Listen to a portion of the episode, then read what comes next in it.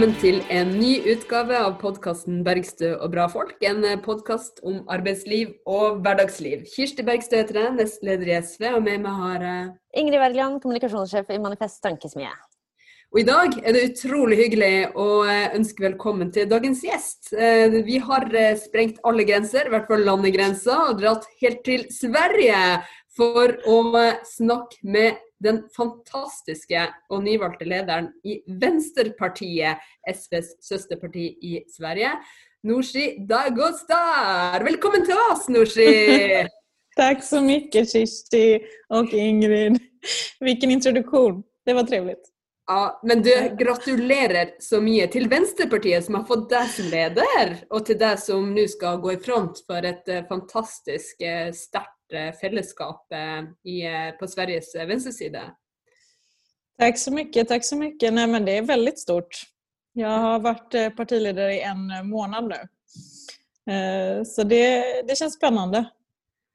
Ja, og det er jo en måned med allerede mange store politiske kamper og viktige seire for Venstrepartiet. Men kan vi bare først starte med å snakke litt om Kongressen, eh, medlemmene i, i, Venstrepartiet var samla eh, digitalt på skjerm Mm. og litt ute i, ute i landet. Eh, hva var det som, eh, prega eh, de politiske debattene, og hva var det eh, medlemmene i Venstrepartiet eh, løfta opp eh, som, som det viktigste eh, på kongressen som, som var for en måned siden?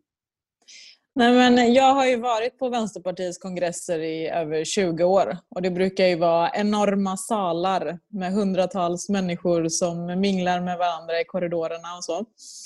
Eh, men det var en helt annorlunda kongress den här gången. Det var en coronakongress där alla satt på varsitt håll ute i landet och samlades i eh, lokaler i distrikten.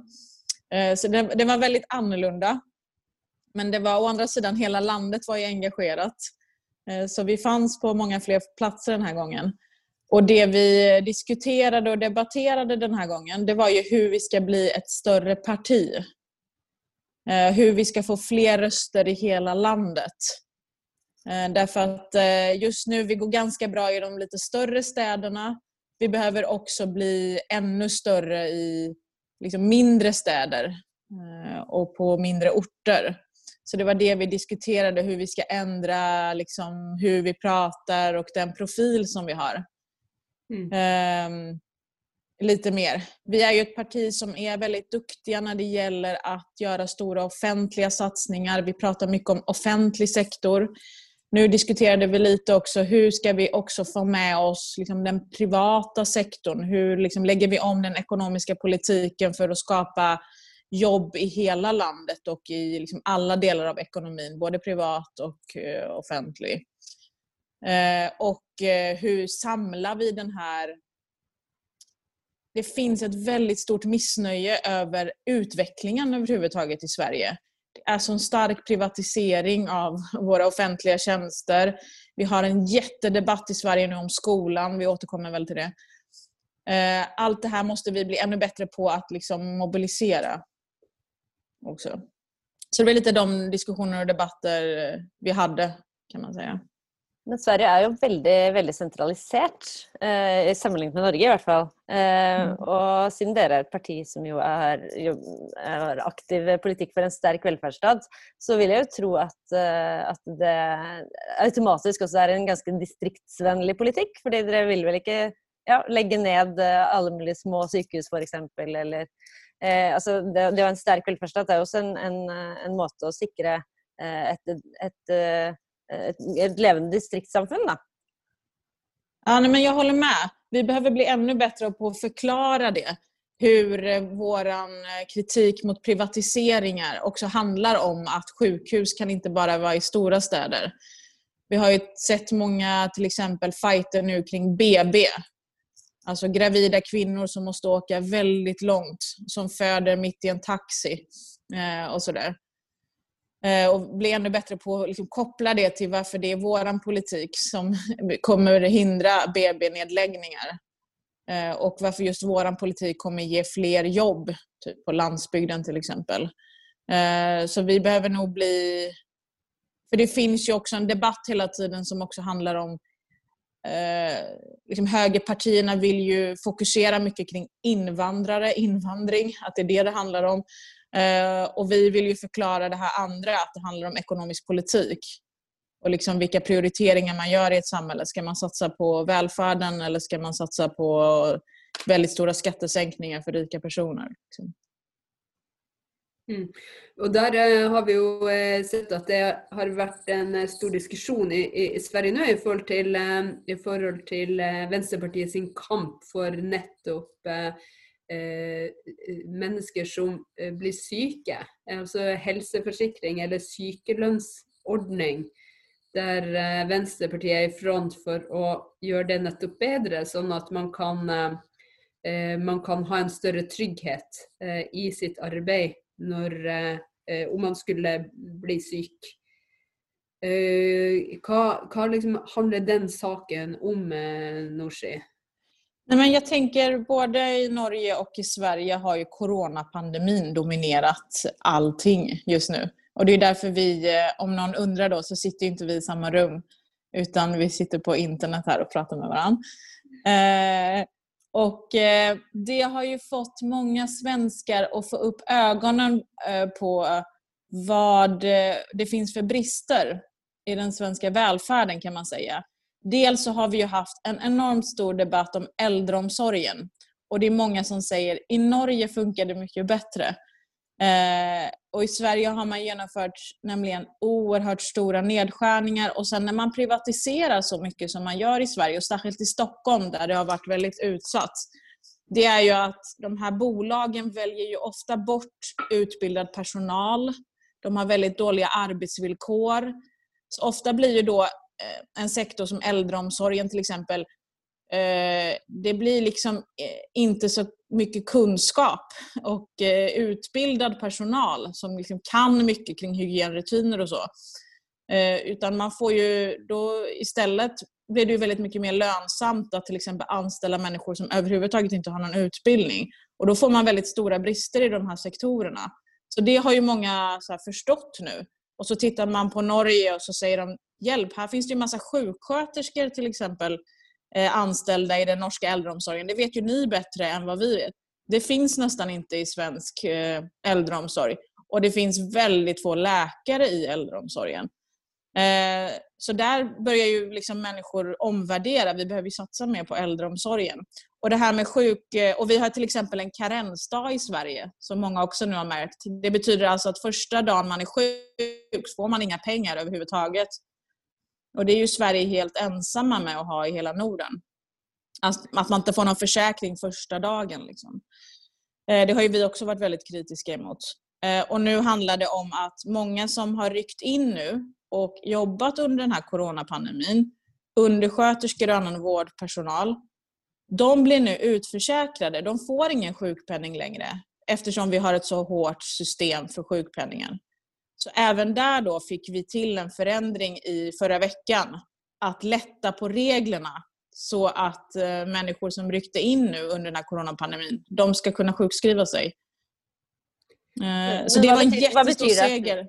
Men vad betyder det att de, de mister eh, sykepengarna sina? Alltså, vad har reglerna varit? Och vad har efter, fått efter ett, efter ett halvår i Sverige så blir väldigt många utförsäkrade. Altså Utforsikring betyr at man da ikke får penger lenger i det hele tatt? Pengene dras til Ja. Ingenting? Det, altså du, ja. du, er ikke frisk nok til å begynne å jobbe igjen, men du får heller ikke sykepenger? Ja, därför, därför att uh, det är så hårda regler. Man säger så här, du kan ta ett annat jobb. Uh, och då kanske det är en ja, sjuksköterska eller en läkare eller någonting som då har fått covid till exempel och skulle behöva rehabilitering några veckor till. Men det är så hårda regler i Sverige att efter ett halvår blir du typ utslängd. Og da skal, det er ikke bare at du skal uh, kunne ta en annen jobb som nødvendigvis tilbys av, uh, av uh, etaten, på en måte. Det er, du, det, tanken på at det teoretisk sett finnes en annen jobb i arbeidsmarkedet, gjør at det er grunn nok til at du mister pengene. Och det är verkligen betoning på teoretiskt, skulle jag säga. Det är så hård bedömning, framför allt, av myndigheten Försäkringskassan. Eh, att eh, de säger så här, okej, okay, ofta, det här är ju välkänt i Sverige, de här intygen ser ut så här. okej, okay, du saknar koncentrationsförmåga, du kan inte sitta, du kan inte ligga, eh, du har massa begränsningar när det gäller din hälsa, men vi tror att det ändå finns ett arbete någonstans som du ändå kan ta. Eh, så brukar intygen se ut. Och det är fler och fler partier nu som inte kan liksom försvara det här systemet, kan man säga. Så vad bestod eh, seieren deras i förra veckan då? Att eh, det inte blir den hårda bedömningen vid, eh, efter ett halvår. Utan man kan fortsätta få sin sjukpeng och få sin rehabilitering och så. För, så det var väldigt bra. Vad sa du? Hur lång tid blir det då? Alltså att det, att det inte blir en sån begränsning tidsmässigt på ett halvt år, men att man kan vara sjuk till man blir frisk, eller? Nej, utan det är nästa tidsgräns är efter ett år då. Så vi har skjutit fram den här tidsgränsen till ett år. Vi ville ju ha en ändring även vid ett år, men det fick vi inte med de andra partierna på då. Men gratulerar till Vänsterpartiet och det svenska folk. Det är ju en helt fantastiskt stor skillnad eh, på den tryggheten man kan eh, ha med att ha intäkt vid, sjukdom och det att hamna på, på bar backe och eh, ja, riskera att mista både bolig och Eh, det som, det som värre är eh, om man, eh, man mister all sin inntekt. Men det där var ju en väldigt hård kamp. Der ikke bare kampen stod mot høyresida i svensk politik, Nej, alltså det här är ju Socialdemokraterna har ju väldigt länge också pressat på för att minska förmånen sjukförsäkring då. Därför att vi har ju Sverige sedan Reinfeldt styrde haft en debatt som handlar om att sjuka och arbetslösa ska eh, få väldigt lite stöd och ersättning. Och på det sättet ska de liksom tvingas bli friska eller tvingas få jobb och så. Och vår inställning har ju varit att är, man blir inte frisk av att man inte får pengar. Tvärtom blir man ju ofta sjukare av det. För då får man en till stressfaktor i livet.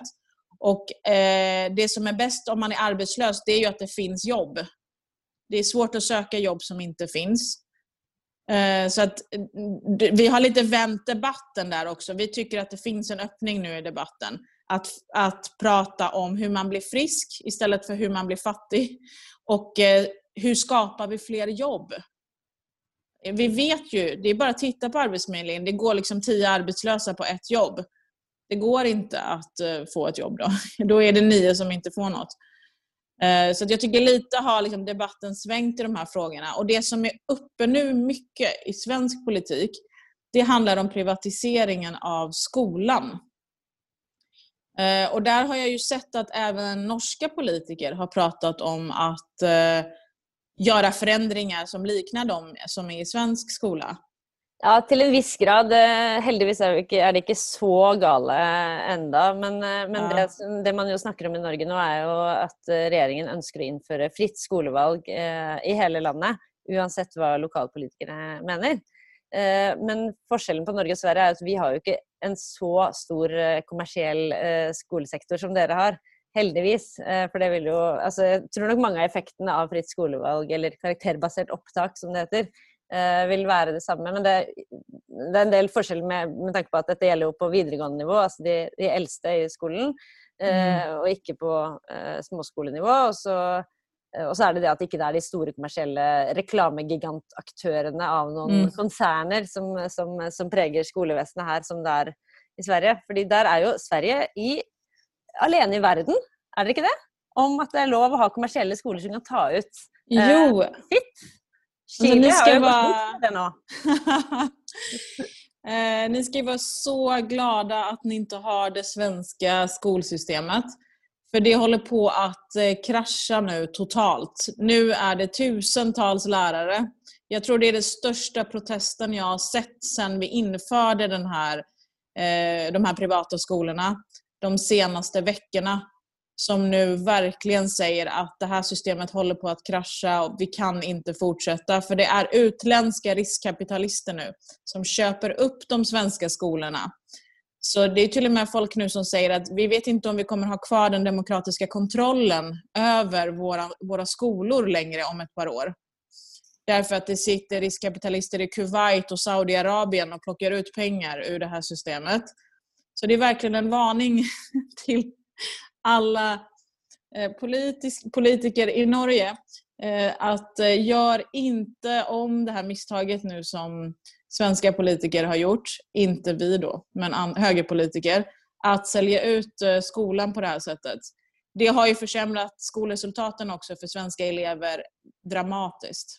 Alltså innan vi hade det här var ju Sverige, låg ju liksom på pallplats när det gäller skolresultat och i världen.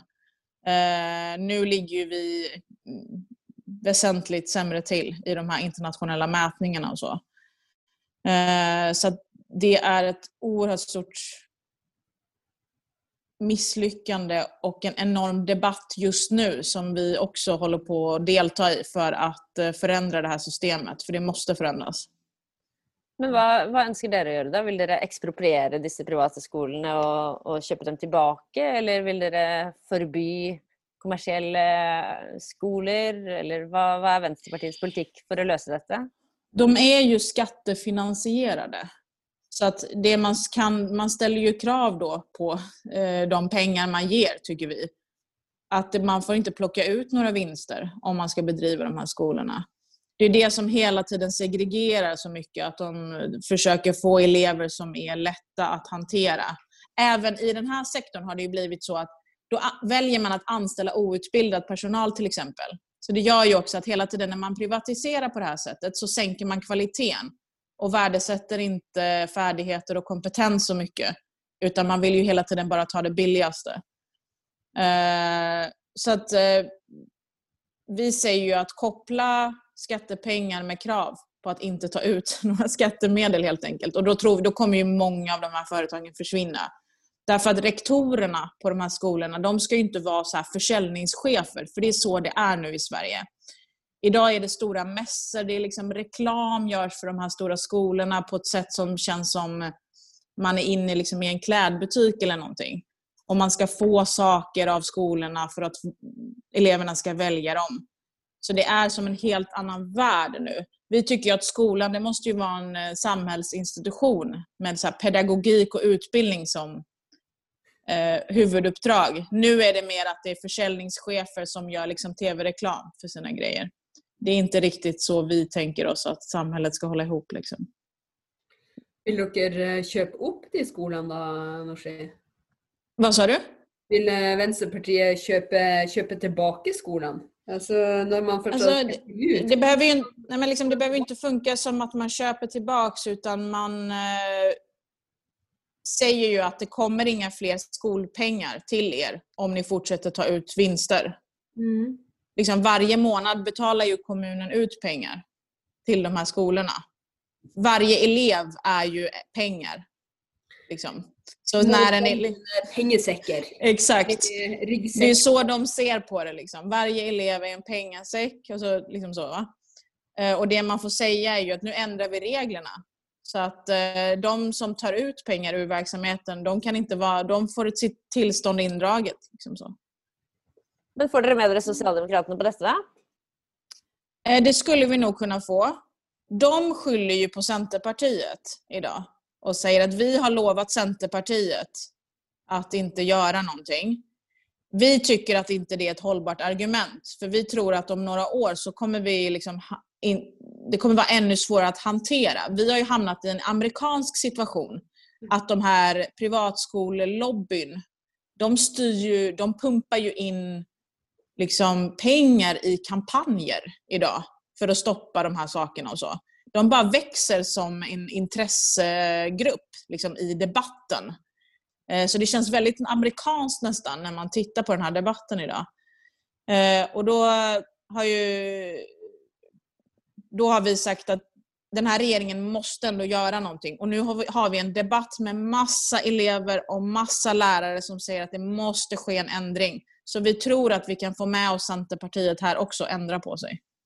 Fordi, nå har vi inte snakket så mycket om eh, regjeringssituasjonen i, i, i Sverige. Fordi for, nå er det nok mange av lytterne våre som är väldigt eh, opptatt av politik. Det, men, men, men, der er det jo rett og slett eh, eh Sosialdemokratene Socialdemokraterna styrer jo sammen med, med Centern, altså Senterpartiet, som ikke må forveksles med det norske Senterpartiet. For i Sverige kan man vel si at Centern er liksom et ganske ekstremliberalistisk parti?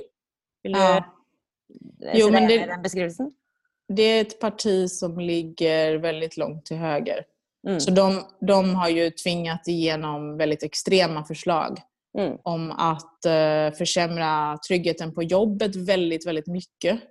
Och de vill införa eh, marknadshyror, det som ni redan har i Norge. Eh, alltså ta bort regleringen som finns kring hyrorna. Ja, altså husleiereguleringene vil de fjerne. Precis. Ja. Ja.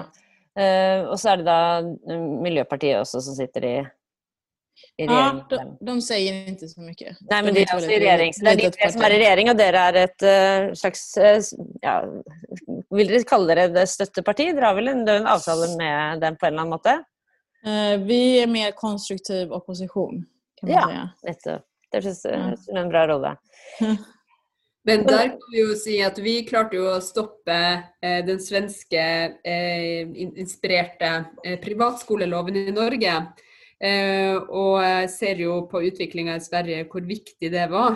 Og da kan dere jo se til Norge og se hvor galt det har gått med boligpolitikken når det er fullt frislipp til markedskreftene. Eh, og der eh, folk med vanlige inntekter og unge rett og slett ikke får noen ordentlig plass, plass å bo. Så her kan vi jo lære av hverandres eh, feil, og ikke minst kamper eh, som er, som er tatt. Ja, högerpartierna i Sverige, de använder ju Norge som exempel i svenska debatten. Eh, så att ni vet Et det. Som ett väldigt gott exempel hur bra det är i Norge. Och alla som har varit i liksom Norge märker ju då, det är ju svindyrt. Men det er jo, det er jo for- noen investorer som har tjent veldig veldig godt på dette. Altså, det er jo en, de, de, de rikeste, mange av de rikeste i Norge har jo blitt veldig veldig rike av eiendomsinvesteringer. Så det, er- det er jo antageligvis kamerater av Ja. høyrefolk i Sverige, da. Kanskje. Mm. Det är ju, är de ser väl framför sig att de också kan bli skitrika Ja, om de genomför samma system. sant. Eh, Men då försöker vi då ta fram andra exempel. Och så. Det er veldig bra. En ting jeg må spørre om, fordi det er en sak jeg er ganske opptatt av, det er eh, sekstimersdagen. Eh, og jeg har lest en veldig fin brosjyre som Venstrepartiet har gitt ut, som heter 'Det er vår tur nå'.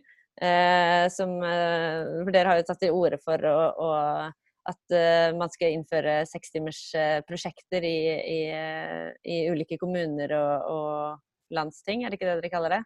Mm. Eh, Men dette er vel, det, dette er vel sånt, eh, en ambisjon dere har i deres eh, alternative statsbudsjett? Er det sånn det funker? Eh, ja, det, vi gick ju till val på det. Att ha olika typer av försöksverksamheter kring den här frågan. Att vi inför det liksom i varje ort och i varje region.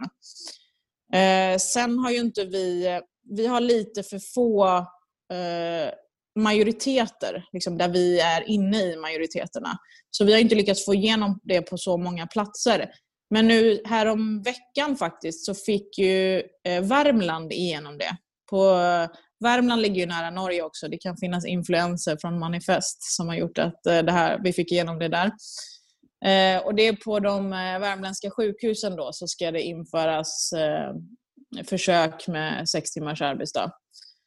Eh, Men vi gör ju allt vi kan också på riksnivå för att få igenom ändringar i arbetstidslagstiftningen. Sen är det ju så att i avtalsrörelsen nu så har ju många förbund också drivit det. Kommunal till exempel. Eh, Svenske Fagforbundet. Ja. Ja, precis. Det liknar ju det norska Kommunal, eller hur? Det heter typ liknande.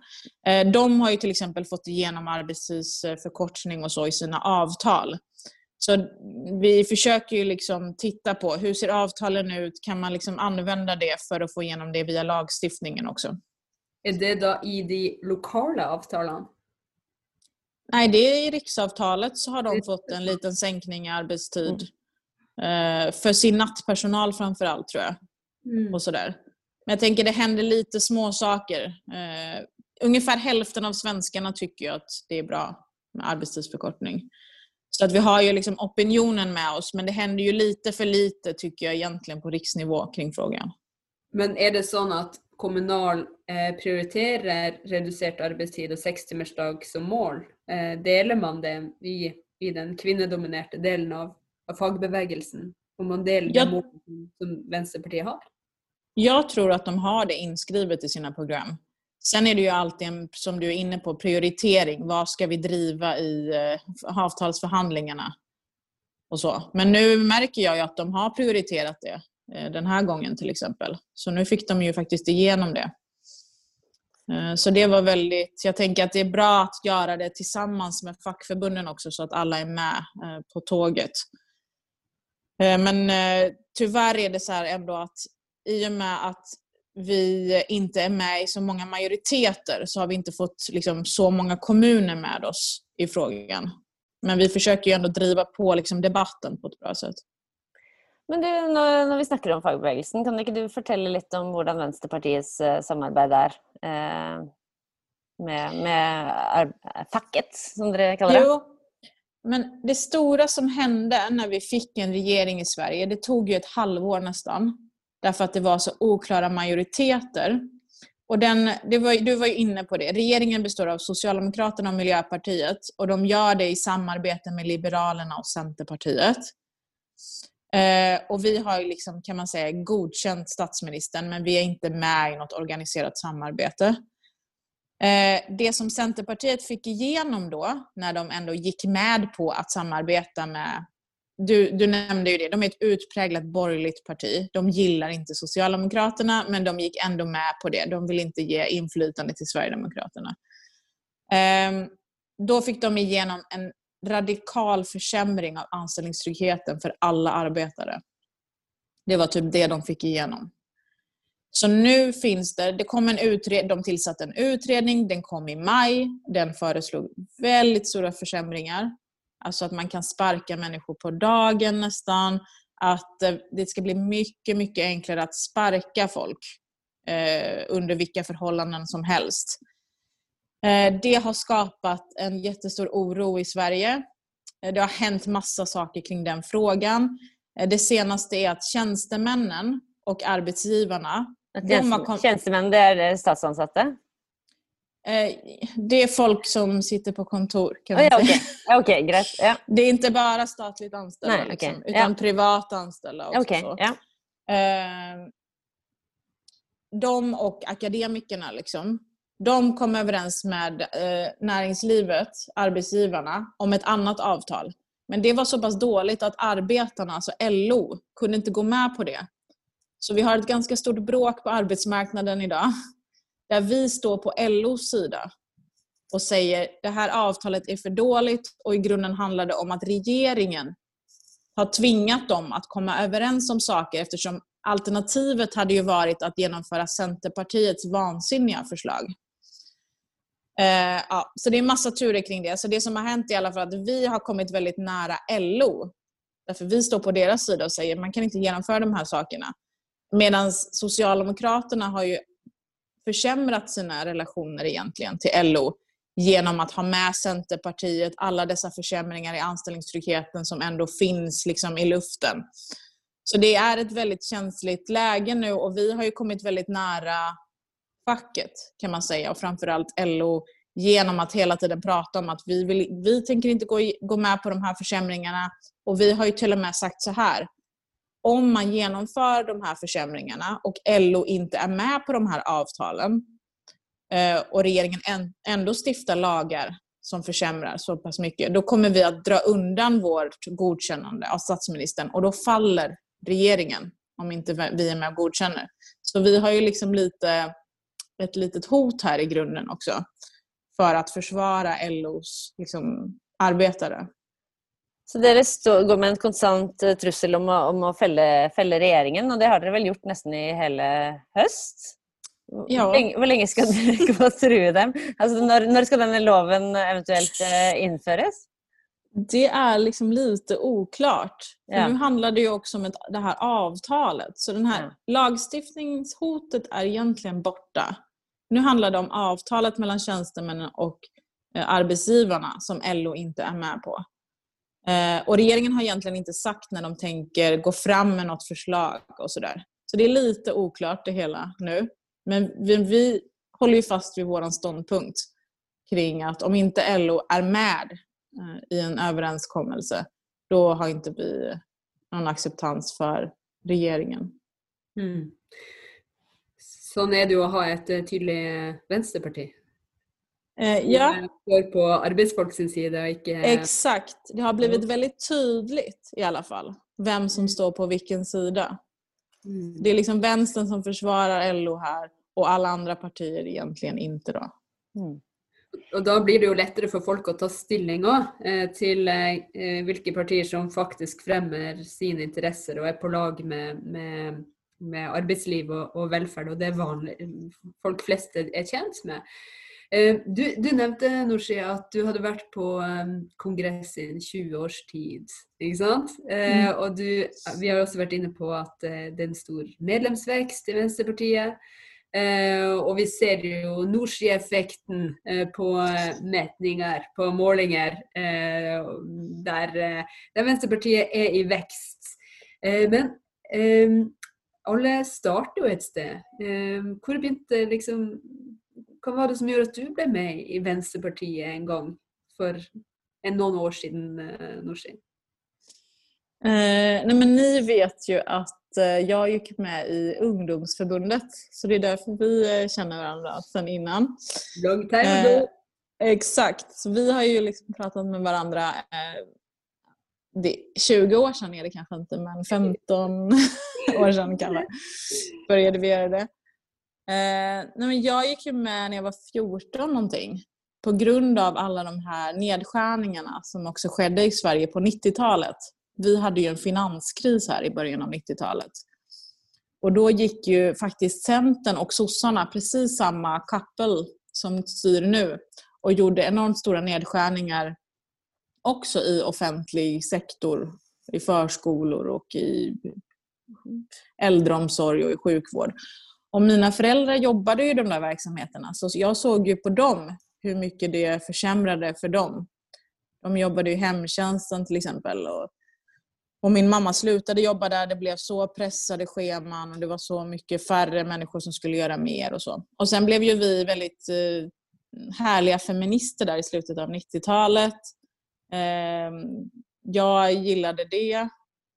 Det passade väldigt bra för mig som var, gick på högstadiet och var tjej att var, också vara feminist.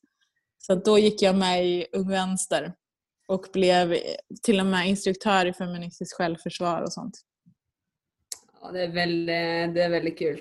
Och nu är du leder för Vänsterpartiet och blir ju kallt Sveriges svar på Alexandra Cortés. Eh, eh, sant? Vet ju det. Eh, att eh, Eh, den største stjernen på venstresida, det er Venstres egen star, Nooshi Dagbo Star. Eh, vi har et fast spørsmål i vår, vår podkast, eh, fordi alle begynner et sted når det gjelder organisering eh, Å bli med i et forbund, et parti. Men alle begynner jo et sted også i arbeidslivet, som vi har snakka ganske mye om rent politisk i dag. Så eh, vårt første spørs... Eller siste og faste spørsmål i dag, det er jo faktisk eh, Hva var din første jobb? Nej, men jag jobbade ju i hemtjänsten faktiskt. Förstår norska eh, lyssnare vad hemtjänst är? Mm. Ja, ja, men Ja, vad bra. så- Eldreomsorgen? Ja. ja, precis. Man åker hem till eh, äldre personer eller funktionshindrade personer och hjälper dem med vardagsbestyren. Ja, det var väldigt trevligt faktiskt. Vi hade kul och det låg väldigt nära hemma, hemma när jag kunde cykla till jobbet. Men du var Mm. ufaglært, eh, ufaglært i hemtjenesten, da? Eller? Det, det var Ja, men du, altså, du hadde ikke noe, det var før du hadde noe utdannelse? Sånn. Du var ikke det var, Nej, precis. Nej. Man fick, man fick ju lite utbildning då när man eh, jobbade där. Lite grann, inte så mycket. Men hva gjorde du, da? Eh, eh, nej men först, man hjälper folk upp ur sängen, eh, gör frukost, byter blöja, går ut en promenad, går och handlar, eh, pratar, sitter och dricker en kopp kaffe tillsammans med en äldre person. Eh, ofta märker man ju så här, det som är lite tråkigt är att många är väldigt ensamma. Kanske någon släkting som kommer och hälsar på, men inte så ofta. Så de, man vill ju också väldigt gärna ha så här sällskap. Eh, när det gäller folk. Ger mediciner fick vi göra också. Men eh, hade du tid till detta då Eller måste du löpa från fra hjem til hjem? Hadde du tid til å ta den i kaffen og prate litt og sånn? Ja, alltså när jag jobbade i hemtjänsten, det var ju kanske 2000, vad kan det ha varit? 2003, 2004 eller någonting. Då kanske vi hade så här sex, sju personer per dag. Eh, om du tänker dig idag då så, finns, så kanske det är i genomsnitt liksom 13-14 personer som folk har. Vissa har 20 personer per dag idag. Alltså det säger ändå en del om hur eh, stora nedskärningar och privatiseringar som har skett i Sverige bara de senaste eh, 20-15 åren. Så det är verkligen eh, eh en då, många människor känner att det är en dålig utveckling liksom, på lång tid. Så att jag skulle säga att det var ändå, trots väldigt stora nedskärningar även på 90-talet, mycket bättre när jag jobbade där än hur det ser ut idag. Var du ansatt i kommunen eller i en privat uh, företag? Nej, då var det bara kommunalt. Mm. Alltihop. Var du, var du organiserad i kommunal då?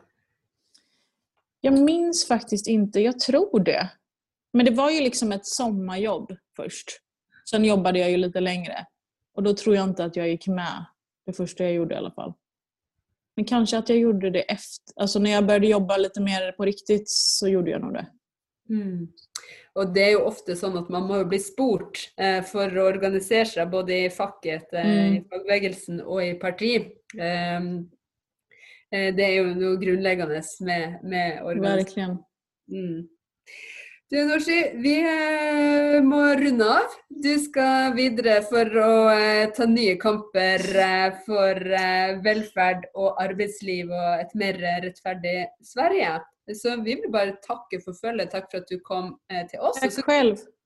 Väldigt till du blir statsminister i Sverige.